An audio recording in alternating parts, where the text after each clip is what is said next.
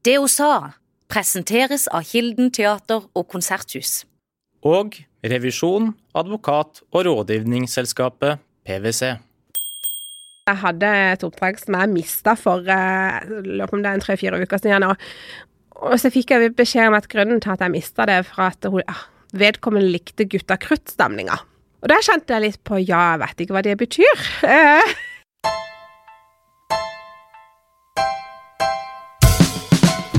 Eh, Hobbesland, velkommen til det hun sa. tusen takk. Du jobber som eiendomsmegler i DNB. Jeg vet at du tok utdannelsen din i voksen alder. Du er sørlending med en spennende bakgrunn. Du er født i Iran, har bodd i Tyrkia og er halvt aserbajdsjaner. Stemmer. Hvordan det har påvirka deg, skal vi høre mer om. Og vi skal også høre om hva som driver deg. Um, og så vet jeg at du har lovt å dele noen tips med oss. Men jeg tenker at vi begynner med at du skal få lov å si tre ting om deg sjøl. Ja.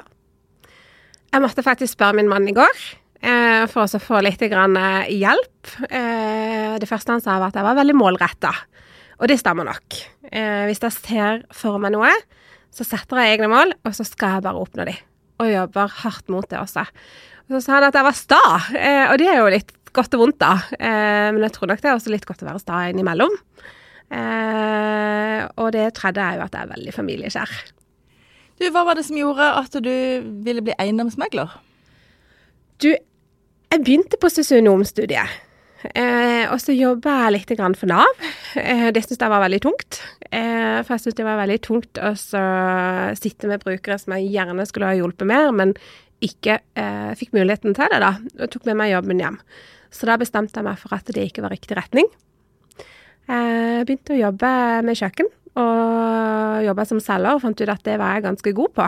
Eh, og så hadde jeg jo lyst på mer utdannelse. Så da ble det i alder av 27. Pakke sammen tingene og flytte til Stavanger med to kofferter. Så det var jo gøy. Men du, Hverdagen som megler, Mm. hvordan er den? Og jeg elsker det. Det er hektisk. Det er det. Så man må jo eh, være forberedt på at hvis man skal være eiendomsmegler og jobbe som eiendomsmegler, så er det hektisk liv. Eh, og det er ikke en åtte til fire-jobb. Eh, men det er jo litt det som er gøy òg. Du, Da vi mm, inviterte deg inn her, Mm. så satt vi og snakka litt om det å være megler, og hva slags bilde har vi av meglere. Og så kikka jeg litt på intervjuer vi har hatt tidligere i Fevennen. Ja. Um, og der var det en kollega av deg, jeg tror Pål Birkeland, tror jeg han heter. Ja. Uh, det er ikke så lenge siden det sto på trykk. Og da var liksom hovedbudskapet at meglere jobber liksom ekstremt mye, og, og kan ikke prioritere familie. Altså det er noe som er vanskelig å kombinere med, Mm. med familie. Hvordan stemmer det bildet der av med, med hvordan virkeligheten er? Ja. Du, jeg har et motto i livet, og det er livet er hva man gjør det til. Så hvis man vil, så får man det til. Eh, så jeg har liksom, ja, selvfølgelig, jeg merker at det er utfordringer, jeg merker jo av og til at jeg skulle gjerne eh, hatt enda mer tid til familien, men det tror jeg veldig mange ønsker. Men det fungerer veldig fint, fordi at jeg, jeg, er på jobb. Og så går jeg hjem, jeg lager middag, og jeg har middag med familien. Men så setter jeg meg og jobber igjen etter leggetid. Så jeg har masse tid til familien, men så er det jo litt hva man ønsker også. Jeg har jo aldri hatt et mål om at jeg skal være topp topp-megler og bare selge, selge, selge. Det fins også en mellomting. Man kan være en dyktig megler og ha fokus på kvalitet, eh, men velge å selge litt mindre eh, for å ha tid til familien. Da. Så det fungerer. Hva, hva er det som er drivkraften Ja. deg? For meg er det ikke selge mest mulig. Og det har det aldri vært heller. Men selvfølgelig så ønsker man jo å ha gode resultater, og resultater måles jo også opp mot antall salg. Men en mellomting. Jeg vil gjerne ha tid til alle mine kunder, levere kvalitet i alle ledd, samtidig som jeg har grei mengde salg i året. Å bli kjent med kunder og føle at man hjelper dem eh, fra ett steg til et annet steg i livet, da. Men hvilke egenskaper er det du tar med deg inn i jobben? Eh, kanskje nettopp det at jeg bryr meg er en god egenskap. Eh, for det å selge en bolig er ikke noe man gjør hver dag. Noen ganger kan det også være mye følelser rundt et salg. Og så er jeg veldig nøye på kvalitet. Eh, så jeg er nok ikke den som bruker minst mulig tid på et oppdrag, eh, men derimot bruker ganske mye tid og energi på kundene. Og så er jo jeg tilgjengelig døgnet rundt, nesten. Åssen er det? Det er eh, både og. Jeg har blitt mye flinkere nå de siste månedene til å legge fra meg telefonen på søndager. For da kjenner jeg at da er det liksom familietid uten å bli forstyrra. Eh, og så har jeg en sånn periode på dagen, og det er fra klokka fem til klokka syv. Så rører jeg ikke telefonen, med mindre jeg er på visninger, selvfølgelig. Eh, men når jeg er hjemme, så rører jeg ikke telefonen. Og da har det fungert mye bedre. Men du er ikke redd for å gå glipp av et salg når du gjør det? Nei, det er jeg ikke. Altså, får jeg bud, så tar jeg det selvfølgelig. jeg lar det ikke gå. Eh, men hvis ikke det er bud, så klarer folk å vente i en time eller to til jeg ringer opp igjen. Kan du ta deg ferier hvor du kobler ut jobben helt? Nei, eh, akkurat det er litt vanskelig. Eh, man tar jo altså, jeg sjekker mail og jeg er jo på telefonen, er det bud, så tar jeg det jo selvfølgelig. Men eh, det gjør ikke noe, for det er livsstilen. Og så har jeg en mann som syns det er helt greit at det er den livsstilen vi har. Eh, og jeg syns det er gøy. Så lenge man syns det er gøy, så fungerer det veldig greit. Du, når det, når det koker litt Mhm. Jeg har jo selv vært med å by noen ganger, ikke sant? Og det, det er jo en utrolig spesiell situasjon når Ja. man får litt puls og sånn. Og så sitter du på andre sida, og så skal du håndtere mange kjøpere Ja. og en selger. Ja. Og for alle er dette viktig. Ja. Hva gjør du da? Å, beholde roen. Ja. Altså, det finnes jo ikke noe verre enn en stressa megler på andre enden av den tråden. Så beholde roen, eh, og hjelpe og gi råd så godt jeg kan. Eh, og så er det jo ikke alle som vil høre på meglers råd, spesielt budgiver. For det er jo ikke noe å skjule at vi meglere er jo ansatt for å oppnå høyest mulig pris for objektet. Eh, og det skal vi gjøre, men samtidig så eh, får jo alle de samme rådene. Det er ikke sånn at jeg favoriserer en, alle får de samme rådene. Gode råd. Og så får de heller velge om de vil høre eller ikke. Og det pleier jeg å si i telefonsamtalen. Du velger om du har lyst til å høre på meg. Dette rådet kan jeg gi deg, denne veien anbefaler jeg å ta. Men det rådet gir jeg til alle. Men hvilke typer råd er det du gir, da? Åh, la oss si vi har fem budgivere. Og så begynner noen å øke budene sine med 1000 kroner eller 10 000 kroner per bud. Det er veldig lavt. Og da kan vi holde på hele dagen. det er ikke nødvendig. Da tenker jeg at eh, hør, på meg, vi har fem budgivere. Kanskje det går an å prøve å skremme litt. Vi kommer til å nå samme beløpet uansett med fem budgivere, men spørsmålet er hvor mange klarer man å kvitte seg med? Hvor mange budgivere klarer vi å kvitte oss med, sånn at man sitter igjen med det høyeste budet? Noen velger å høre, andre takker nei, og så kjører sin egen strategi. Og, det, og begge to er rett. Men Hender det at du noen ganger blir litt sånn oppgitt over at ikke de hører på deg? Ja. Jeg hadde jo levd hvis jeg hadde sagt nei nå. Jeg må være ærlig og si når det er fem budgivere, og du sitter og håndterer et bud på 1000 kroner, så blir man oppgitt. Så da har jeg jo selvfølgelig veldig lyst til å si en prinsippsak, så eh, bør man ikke akseptere det budet. Men så, så kan man jo ikke si det heller, vet du. Ja. Når folk er på visning, Ja. eh, er det noen spørsmål eller kommentarer som går igjen, som du tenker at oh, de tror at du ikke, ikke har hørt dette før, men jeg har hørt det før så mange ganger? Oh, du, det er veldig gøy, fordi at eh, vi kjenner tegner igjen hvilken type folk vi møter på visning. Eh, og så er det ulike kategorier. Vi har jo eh, fedre med barna sine på visning. Det er jo veldig gøy. For de er jo ofte de som kommer inn og er kanskje litt mer negative. For de skal finne feil og mangler, ikke sant. Og det, det tror jeg er egentlig helt naturlig, for man ønsker det beste for barnet sitt. Eh, så det er jo ofte litt sånn det som står i tilstandsrapporten, frempekes veldig på visninga. Og da da tenker jeg dette har jeg opplevd ganske mange ganger før. Eh, eller å, det er altfor høyt priser. Det er en gjenganger. Men allikevel så er du jo med på budrunden dagen etterpå til langt over prisantydning. Ja. Så det er en sånn gjenganger. Det er flere av de, altså. Det er veldig mange av de. Ja. Du, er det forskjell på kjøpere um, når det kommer et par, da? Mm. Er det forskjell på mannen og dama i hva de er opptatt av? Ja, det er det jo. Ofte så er jo menn veldig tekniske. Og de skal sjekke sikringsskap, og de åpner eh, skapet under eh, vasken, sjekker rør. Mens kvinner er opptatt av litt mer eh, det estetiske og, og interiør, da. Eh, hvor kan man ha sofaen, hvor kan TV-en være, eh, hvor skal jeg få plass til alle kjøkkentingene mine. Så det, det er litt forskjellige eh, perspektiver på visninga, tror jeg. Og det er jo når de er på visning, helt Ja. konkret. Men hvis vi ser det store bildet, Mhm. hvilke forskjeller ser du der? Veldig mange eh, kvinner eh, investerer kanskje sine penger i akkurat disse tingene, som det estetiske, interiør, møbler, eh, mens menn bruker kanskje sin egen kapital til selve boligen, og tar en større eierskap til det, da. Det må være litt obs på, fordi at eh, hvis noe skulle skjedd, eh, om man går fra hverandre eh, i framtida, så, så blir jo også selve boligen skjevfordelt. Mens boligen går opp i verdi, går jo ofte eiendelene ned i verdi. Eh, og man kommer ofte også bedre ut av samlivsbrudd. Eh, damer er jo ofte litt mer passive i forhold til eh, økonomi. Nå sier ikke alle, men veldig mange kan være det. Så beste rådet mitt er jo at eh, vær mer aktiv i din egen økonomi. Invester pengene der de vil vokse. Eh, og det er ikke ofte i sofaen, som går ned i verdi, men i selve boligen, som mest sannsynlig øker i verdi. Det å være ung og skulle inn på boligmarkedet, det er ikke så lett. Og kanskje er det ekstra tøft nå? Går det an å gi noen råd til de som vil inn i markedet? Ja. Oh, akkurat det kjenner jeg veldig på, fordi at jeg heier så på de unge som skal komme seg inn i boligmarkedet. Det er ikke enkelt. Så rådet mitt er Og så er det jo litt forskjell på om du er alene eller par. Som par så har man jo litt flere muligheter.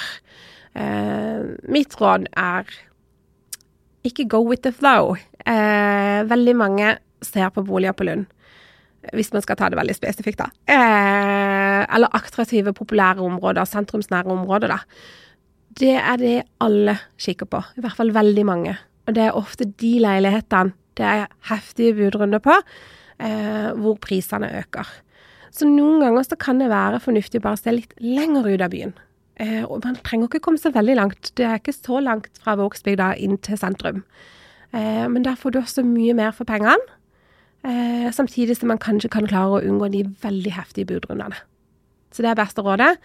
Eh, begynn å sjekke litt utenfor sentrumsområdene. Men du vil kanskje bo på Lund? Vi har jo kikka på Lund, men vi ser faktisk utenfor byen. Så vi ser på Lauåsen, og vi ser på Sønn. Så det er litt det, det rådet som jeg gir til andre, det tar jeg sjøl, altså.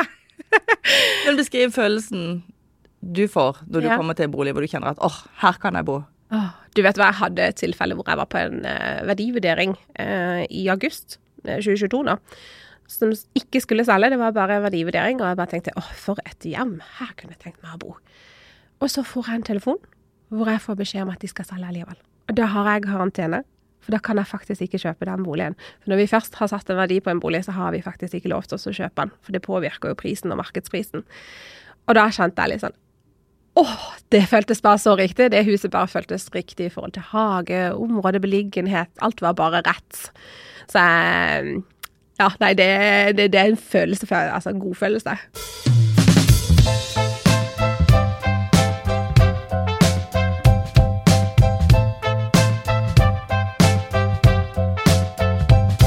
Du har lyst til å snakke litt med deg om bakgrunnen din. Ja. Um, du er født i Iran, ja. men du husker ikke så mye fra den tida du bodde der. Mm, Nei, du vet hva, jeg husker faktisk den dagen mamma de reiste fra alt. Da var jeg to år. Akkurat den scenen husker jeg. Men det er jo ikke rart, for det er jo noe som gjør litt inntrykk på et barn. Kan du beskrive det du husker? Du, jeg, jeg har bare en sånn scene hvor jeg, jeg husker jeg så mine foreldre, eller min mor da, eh, si farvel til sine foreldre. Eh, og jeg husker jeg, hun sto opp på en trapp, eh, og jeg husker at de grein, og det var, eh, det var sårt da. Eh, jeg var jo to år, så jeg har nok ikke på det tidspunktet skjønt hva som foregår. Men på, på ettertid, når jeg husker den scenen, så, så vet jeg jo at eh, det var farvel for de sin del, at de ikke kom til å treffes så mye, og ikke på mange år. Måtte de reise, eller ville de reise? De er politiske eh, flyktninger, eh, så de, de reiste nok fordi de, de følte de måtte, ja. Og så dro familien til Tyrkia. Ja. Det- Og hvordan var det? Der har jeg litt mer minner. Eh, og det er jo litt sånn som alle mange flyktninger, da, så er det jo trangt, og det er jo et liv som kanskje kan være økonomisk tungt. Eh, jeg husker at vi er familie, familie på fire, da, min bror, meg og mamma og pappa, eh, bodde i, ett et rom. Eh, som var på kanskje en sånn seks-syv kvadratmeter, og det var det de hadde, med felles kjøkken. Og jeg husker Mamma kokte noe vann på sånne små gassholdere. Altså det, det, det var et litt annet liv enn det man har her i Norge, da. Og så kom dere til Norge, Ja, og da var du litt eldre. da var jeg litt eldre. Ja. Klarer du å beskrive overgangen til et helt nytt land? Ja. Ja. Eh, jeg husker flyturen veldig godt til Norge. For jeg husker den gleden mine foreldre hadde. Eh, at nå, nå kunne de starte et liv med barna sine eh, vekk fra det som på en måte de har kjempa for å komme seg vekk ifra, da. Eh, og så husker jeg eh, når vi kom til Norge, eh, landa på kveldstid, og det var ei dame som tok oss imot, og hun hadde lagd middag, så det lukta middag eh, i leiligheten når vi kom inn. Så det var en eh, veldig trygghetsfølelse eh, for oss, altså spesielt for oss barna, som er min bror, da. Og den overgangen tror jeg ikke jeg merka så veldig mye til. Det var nok mine foreldre som merka. For min del så begynte jeg i barnehagen, jeg fikk meg venner, og begynte liksom å leve livet mitt i Norge. Ja. Men på hvilken måte har den starten på livet prega deg? Og kanskje hvis jeg skal spørre konstruktivt, på hvilken måte har bakgrunnen din med flytting og ulike land vært en ressurs? Mm. Jeg er norsk, men jeg har en flerkulturell bakgrunn. Kultur som jeg er superstolt av, eh, som jeg tar med meg videre. Eh, og jeg tar de beste egenskapene i de ulike kulturene og lærer videre til dattera mi. Eh, men hvis jeg skulle sagt eh, at det er noe som gir meg en fordel, da, så må det definitivt være forståelsen man har for de ulike kulturene, for de ulike menneskene. Og det merker jeg veldig på befaringer. Så når jeg er hjemme hos noen, så har jeg ofte en helt annen respektnivå og respekt for kulturen deres og det mennesket som jeg treffer. Så, så for deg er det, det er en ressurs? Absolutt, det er det ikke noe tvil om. Og jeg snakker jo også flere språk. Ja, hvilke språk snakker du? Snakker eh, tyrkisk, persisk og norsk og engelsk, da. Mm. Og det har vært kjempefordel i ulike settinger, både på, på jobb og i privaten. Du sa til meg at da du fikk barn, så ble det enda viktigere å fokusere på den kulturen Ja. som ligger i, i din bakgrunn og i dine foreldres bakgrunn. Ja. Hva er viktig for deg å formidle? Og det er så mye. jeg prøver også å lære henne persisk. Jeg snakker jo norsk hjemme med mannen min, men eh, jeg, jeg prøver så godt jeg kan. Så språk tror jeg er en veldig fordel å lære. Men det er også andre ting. Eh, alt ifra eh, matkulturen til de forskjellige høytidene. Eh, og det jeg sjøl har vokst opp med, som jeg har satt veldig pris på. Som jeg prøver å formidle videre til dattera mi, da. Og for sånne som meg, som ikke kan så mye om hvordan det er å være perser eller aserbajdsjaner, hva, hva bør jeg vite? Går det an å bare ta liksom noen sånn Og det er helt fantastisk mat. du, det er fantastisk mat. Det er det jo. Eh, folkeslag. Veldig varme. Så det, og det er jo en sånn veldig positiv ting som jeg har prøvd å ta med meg videre, er jo den varmen. Om du er nabo, om du er eh, så å si en ukjent i gata, alle er velkommen. Og det er så utrolig flott og skaper veldig eh, fint samhold, da. Og Hvilket land snakker du om? Nå blir det jo Iran. Nå er det Iran. Ja, ja. Jeg var jo i Iran da jeg var 27. Flott opplevelse og nydelig land. Familien, altså det å treffe familien var jo bare så skjønt. Men jeg måtte gå med hijab. Og, det, og er det frivillig, så er det fint. Men da var det ikke frivillig for min del. Og eh, hvor mye restriksjoner det var som kvinne, var ikke noe som jeg syntes var greit. Ble du overraska når du kom? Jeg visste jo at det kom til å være sånn i forkant. Eh, og det er jo en av grunnene til at min mor og de har flytta eh, fra, fra Iran, da. Eh, men jeg ble nok overraska av hvor mye av det det var.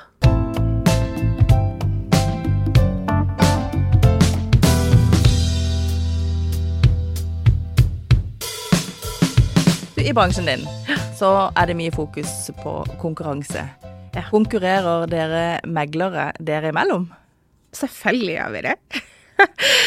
altså selvfølgelig konkurrerer vi eh, oss imellom når vi er på befaring, altså når vi skal ha, ønsker det samme oppdraget. Eh, og man eh, måler seg kanskje litt opp mot hverandre i form av at man ønsker resultater. Men samtidig må jeg bare si at i Kristiansand så er det så fantastisk samhold. Fordi at eh, jobb er jobb, og så er man faktisk veldig greie med hverandre og et veldig flott samhold mellom oss meglerne i Kristiansand. Så man klarer liksom Jeg kan være i hard konkurranse nå, men når jeg ute av den befaringa, så skal jeg selvfølgelig ha oppdraget. Men blir det ikke det den ene gangen, så, så, så bare rekker nag overfor den andre. Når, når er det du har opplevd at noen ikke vil ha deg som megler? Du vet hva, nå, nå, forteller jeg noe som er litt morsomt, og det er jo at jeg hadde et oppdrag som jeg mista for uh, om det er en tre-fire uker siden Og, Og så fikk jeg beskjed om at grunnen til at jeg mista det, for at hun, ja, vedkommende likte gutta krutt-stemninga. Og da kjente jeg litt på ja, jeg vet ikke hva det betyr. Eh, hva betyr gutta krutt-stemninga? Så den kjente jeg nå litt på. Uh, ja. Hva sa du da? Nei, hva skal man si? Eh, da sa jeg vel egentlig eh, du får en heftig budrunde og lykke til.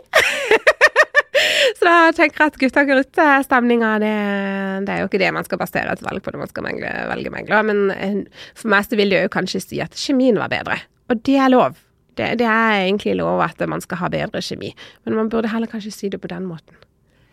Du, jeg pleier ofte å spørre gjestene mine om det har vært noe, om de har hatt et vendepunkt i livet. Et noe i livet som har endra mye, eller alt? Ja. Jeg hadde definitivt ikke vært så sterk som jeg er i dag, hvis jeg hadde bodd i Iran. Uh, og det ser man jo kanskje veldig mye i, i, media, at det har jo vært uro i Iran, og det har jo vært uh, uh, mye kjemping for kvinners rettigheter. Hva gjør det med deg når du ser mm. nyheter fra Iran mm. som viser hvordan situasjonen er der? Mm. Igjen så takknemlig for at uh, jeg har fått muligheten til å ha det jeg har her i Norge. Og meg og en kollega var faktisk i Madrid uh, i mars, uh, hvor vi skulle bare ta en matbit. Og så ser jeg bare over gata, og der ser jeg at det er noen demonstrasjoner på gang. Og det er jo nettopp dette med frihet for folket. Eh, og spesielt kvinner. Eh, så går vi bort, og så ser jeg bare masse bilder på bakken. Og det er folk som har mista livet, som er blitt henretta, som eh, har mista livet fordi at de har ytra noe de myndighetene mener ikke var greit. da. Der og da så kjente jeg på de sterke følelsene på at her står jeg i Madrid, på tur med jobb, og har skapt et så flott liv for meg og min familie. Og så ser jeg bare disse menneskene som ikke lever lenger. Eh, som da har ikke hatt de samme mulighetene som jeg har hatt. Det gjør inntrykk. Det, det gjør at man eh, Beklager. Eh, Syns kanskje det er eh, urettferdig. Rett og slett urettferdig. Bruker du de følelsene du får da til noe? Hvis du skjønner, er du, er du politisk aktiv, eller er du Dessverre for lite. Og det burde jeg faktisk gjøre noe med. Eh, jeg har tenkt på det mange ganger, så har det jo vært litt prioritering dette med hektiske livet og eh, det at man har jo en jobb som krever mye eh, av tida ens, da. Eh, så ikke vært så aktiv som jeg burde. Du, jeg tenkte vi skulle være litt sånn, dra det helt litt inn igjen ja. til det konkrete. For vi snakka i forkant om at du skulle få lov å komme med litt råd. Ja. Hvordan kan man klare å komme seg inn i et marked som er såpass tøft som det er nå? Først og fremst, det er lov til å sjekke med flere banker for å se om man klarer å få det man trenger i forhold med økonomiske. Og så må man se har jeg muligheten til å gjøre dette alene. Og hva har jeg mulighet til da? Skal man gjøre det alene, så må man se på de ulike alternativene man har. Og så er det jo litt tilbake til det vi snakka om i stad, at uh, det er ikke sikkert man har mulighet til drømmeboligen med en gang. Så kartlegg litt i forhold til uh, økonomi og hva man har mulighet til. For det viktigste er jo å komme seg inn i boligmarkedet. Men samtidig være obs på å kjøpe en objekt som ikke faller ned i verdi. Eh, eller om det ikke faller ned i verdi, om det stagnerer veldig, så koster det å selge bolig på nytt. Og det koster også å kjøpe hvis man kjøper selveie, og så er det jo en dokumentavgift der. Og hvis man ikke har råd til å gjøre disse tingene alene, har man en venn man kan kjøpe med. Ikke sant? For det er jo mange som kanskje har muligheten, hvis man ikke har kjæreste alene, kanskje man kan kjøpe med en venn. Du, det å kjøpe bolig er jo stort sett det er jo en, en gøy ting, en positiv ting. Ja. Eh, og når man selger, så kan det jo være mange ulike årsaker, ikke sant. Ja, det er. Um, du kommer jo også inn i bildet der hvor det f.eks. har vært en, en, en skilsmisse. Mm. Hender det at du må megle på annen måte enn bare liksom rent eh, boligmessig? Å ja da, det er det jo alltid. Ehm, det er litt viktig det du spør om, fordi at det er jo sånn som jeg pleier å si de gangene jeg opplever at uh, her burde man kommunisere bedre med hverandre, så er jeg såpass ærlig og sier at jeg er ikke advokaten deres. og jeg skal ikke blande meg i det forholdet dere har, og fordelinga. Dere engasjerer meg til boligsalg for å oppnå høyest mulig pris, og det er det vi skal klare sammen. Men da må dere kommunisere sammen. Så du er litt streng, rett og slett? Jeg er ganske streng i sånne tilfeller. For det hjelper ikke å si det. Det, det sa han, det sa hun, og så skal man ta det via megleren. Det, det må de klare å kommunisere seg imellom. Så det finnes en ganske streng side også. Du sa i starten at du er veldig målretta, Ja. målbevisst. Hva, hva er målet ditt? Du, det store målet er jo eh, ikke så veldig jobbrelatert nødvendigvis. Eh, men det store målet er jo å gi Etter at jeg ble mamma, da, så er det å gi dattera mi et liv full av kjærlighet, som, samtidig som jeg tilrettelegger for at hun skal kunne nå at det, alt det hun ønsker, i form av om det er mål, eller om det er utdannelse, eller eh, bolig. Eh, så det store målet er å ha et godt liv sammen med eh, mine kjære. Og hvis vi tar det ned, da, Ja. et hakk, Ja. og så snakker vi jobb, hva er det store? Og da er det karriere. Å ja, ja, ja. Du, jeg har jo litt ambisjoner, det har jeg jo. Eh, I dag megler jeg, og det syns jeg er veldig gøy. Men etter hvert så tenker jeg nok at jeg har ønske om å gå over til litt andre typer stillinger. Eh, og det er samtidig som jeg megler. Jeg kommer ikke til å stoppe å megle. Eh, kan tenke meg å jobbe som skal, eh, salgsstøtte. Da er det jo å motivere andre, og litt mer en coachingjobb, da. Det syns jeg er veldig spennende. Hvem er det du sjøl bruker til coaching? Altså, har du en mentor, f.eks.? Ja, i DNB så har vi jo faktisk coacher som man kan prate med. Så hvis man har, og det Jeg hadde faktisk telefon til en coach på fredag. Eh, og da kan man ringe de hvis man føler at det, det er en endring i livet. Hvordan skal man håndtere det, ikke sant. Eh, For min del som da gikk fra å jobbe, jobbe, jobbe, jobbe, og bare jobbe, til å bli eh, mor og innse at jeg kan ikke bare jobbe, jeg skal også faktisk eh, ha et godt liv med, med familien. Så skal man også på en måte ta den endringa. Den er ikke alltid like lett. Eh, For man ønsker så gjerne å yte maksimalt på jobb, og er vant til å jobbe masse, til at man skal trekke seg litt tilbake og tenke at jeg skal yte maksimalt samtidig som jeg skal klare å oppnå det jeg ønsker hjemme, da. Eh, Og det har coachene vært veldig OK å prate med.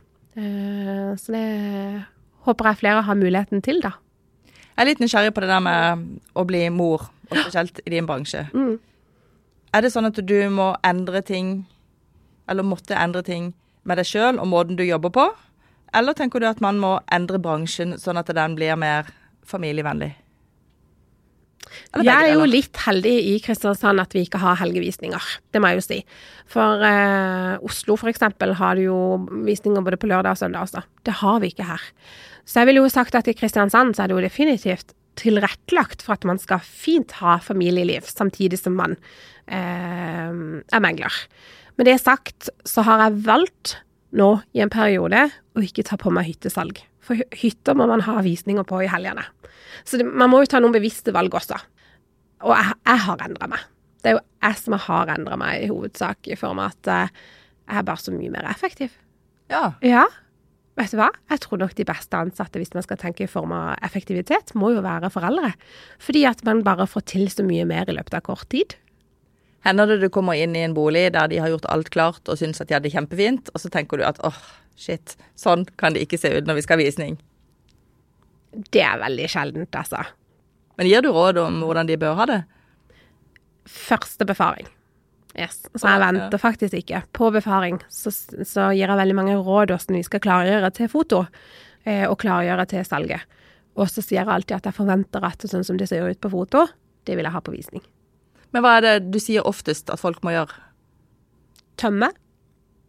Ja. Oftest at de skal faktisk eh, tømme litt. Grann. Altså tømme boligen for Det kan være alt ifra Ja, det kan være overmøblert, det kan være uh, for mye dilldall. Altså for mye ting, rett og slett småting. Utrolig nok også i form av vasking. At man skal vaske grundig. For det at man skal kunne vurdere en ordentlig grundig nedvaska hus. Mm. Du som er megler sjøl, ser din bolig alltid Nei. visningsklar ut? nei, er du gal? har, altså, nei, det har jeg ikke muligheten til. Men det er så mange ganger jeg har snakka om å få meg litt hjelp, eh, men får jo aldri fingrene ut til å få hjelpa heller. Eh, Men spør du min mann, så, så mener han det. Eh, Men spør du meg, så Jeg har roterom. Det tror jeg veldig mange har. De har liksom et rom hvor de bare, når gjestene kommer, så bare hiver man ting inn, vet du. Ja, og det rommet der, det tømmes jevnlig hos meg, og så tenker jeg å, nå skal det aldri mer være rot. Ikke sant? Og så er det neste uke, så er det Ikke sant? inn igjen. Ja. det er alt en ikke vet. Jeg vet alt om det, og det tror jeg er veldig vanlig hos mange. Og det ser jeg jo liksom eh, før salg, at eh, å, det rommet kan du ikke gå, gå, gå inn på. Så jeg sånn, ja, jeg skulle gjerne sett det rommet. Nei, nei, nei, for det skal ikke se sånn ut. Så jeg sånn, nei, men det vet jeg jo. Eh, og det er helt vanlig å ha rotrom. Og det er veldig vanlig at den ene lista aldri kommer opp etter oppussing av kjøkkenet, og sånn hadde stått i fire år. Så det er sånne småting jeg Ja. Jeg er jo et menneske òg. Du, du skal få lov til å fremsnakke noen. Hvem vil du løfte fram? Ja, det er veldig gøy. Dette har jeg gleda meg til. Jeg må si eh, Andrea Håga i DNB. Hun er finansrådgiver. Utrolig dyktig. Igjen også veldig målretta. Ja-menneske. Veldig glad i ja-mennesker. Takker ja til fleste jobber og er en inspirasjon for kvinner eh, når det kommer til det økonomiske. Har så mange gode råd. Dette er ei dame med bein i nesa og en lys framtid. Du, Da tror jeg jeg sier tusen takk for at du ville komme til det hun sa. Tusen takk for at jeg fikk lov til å komme. Jeg gleder meg. Du har hørt på Det hun sa av Ferdelandsvennen. Følg oss på Instagram og meld deg inn i Facebook-gruppen vår. Der kan du foreslå en gjest du har lyst til å høre i neste episode.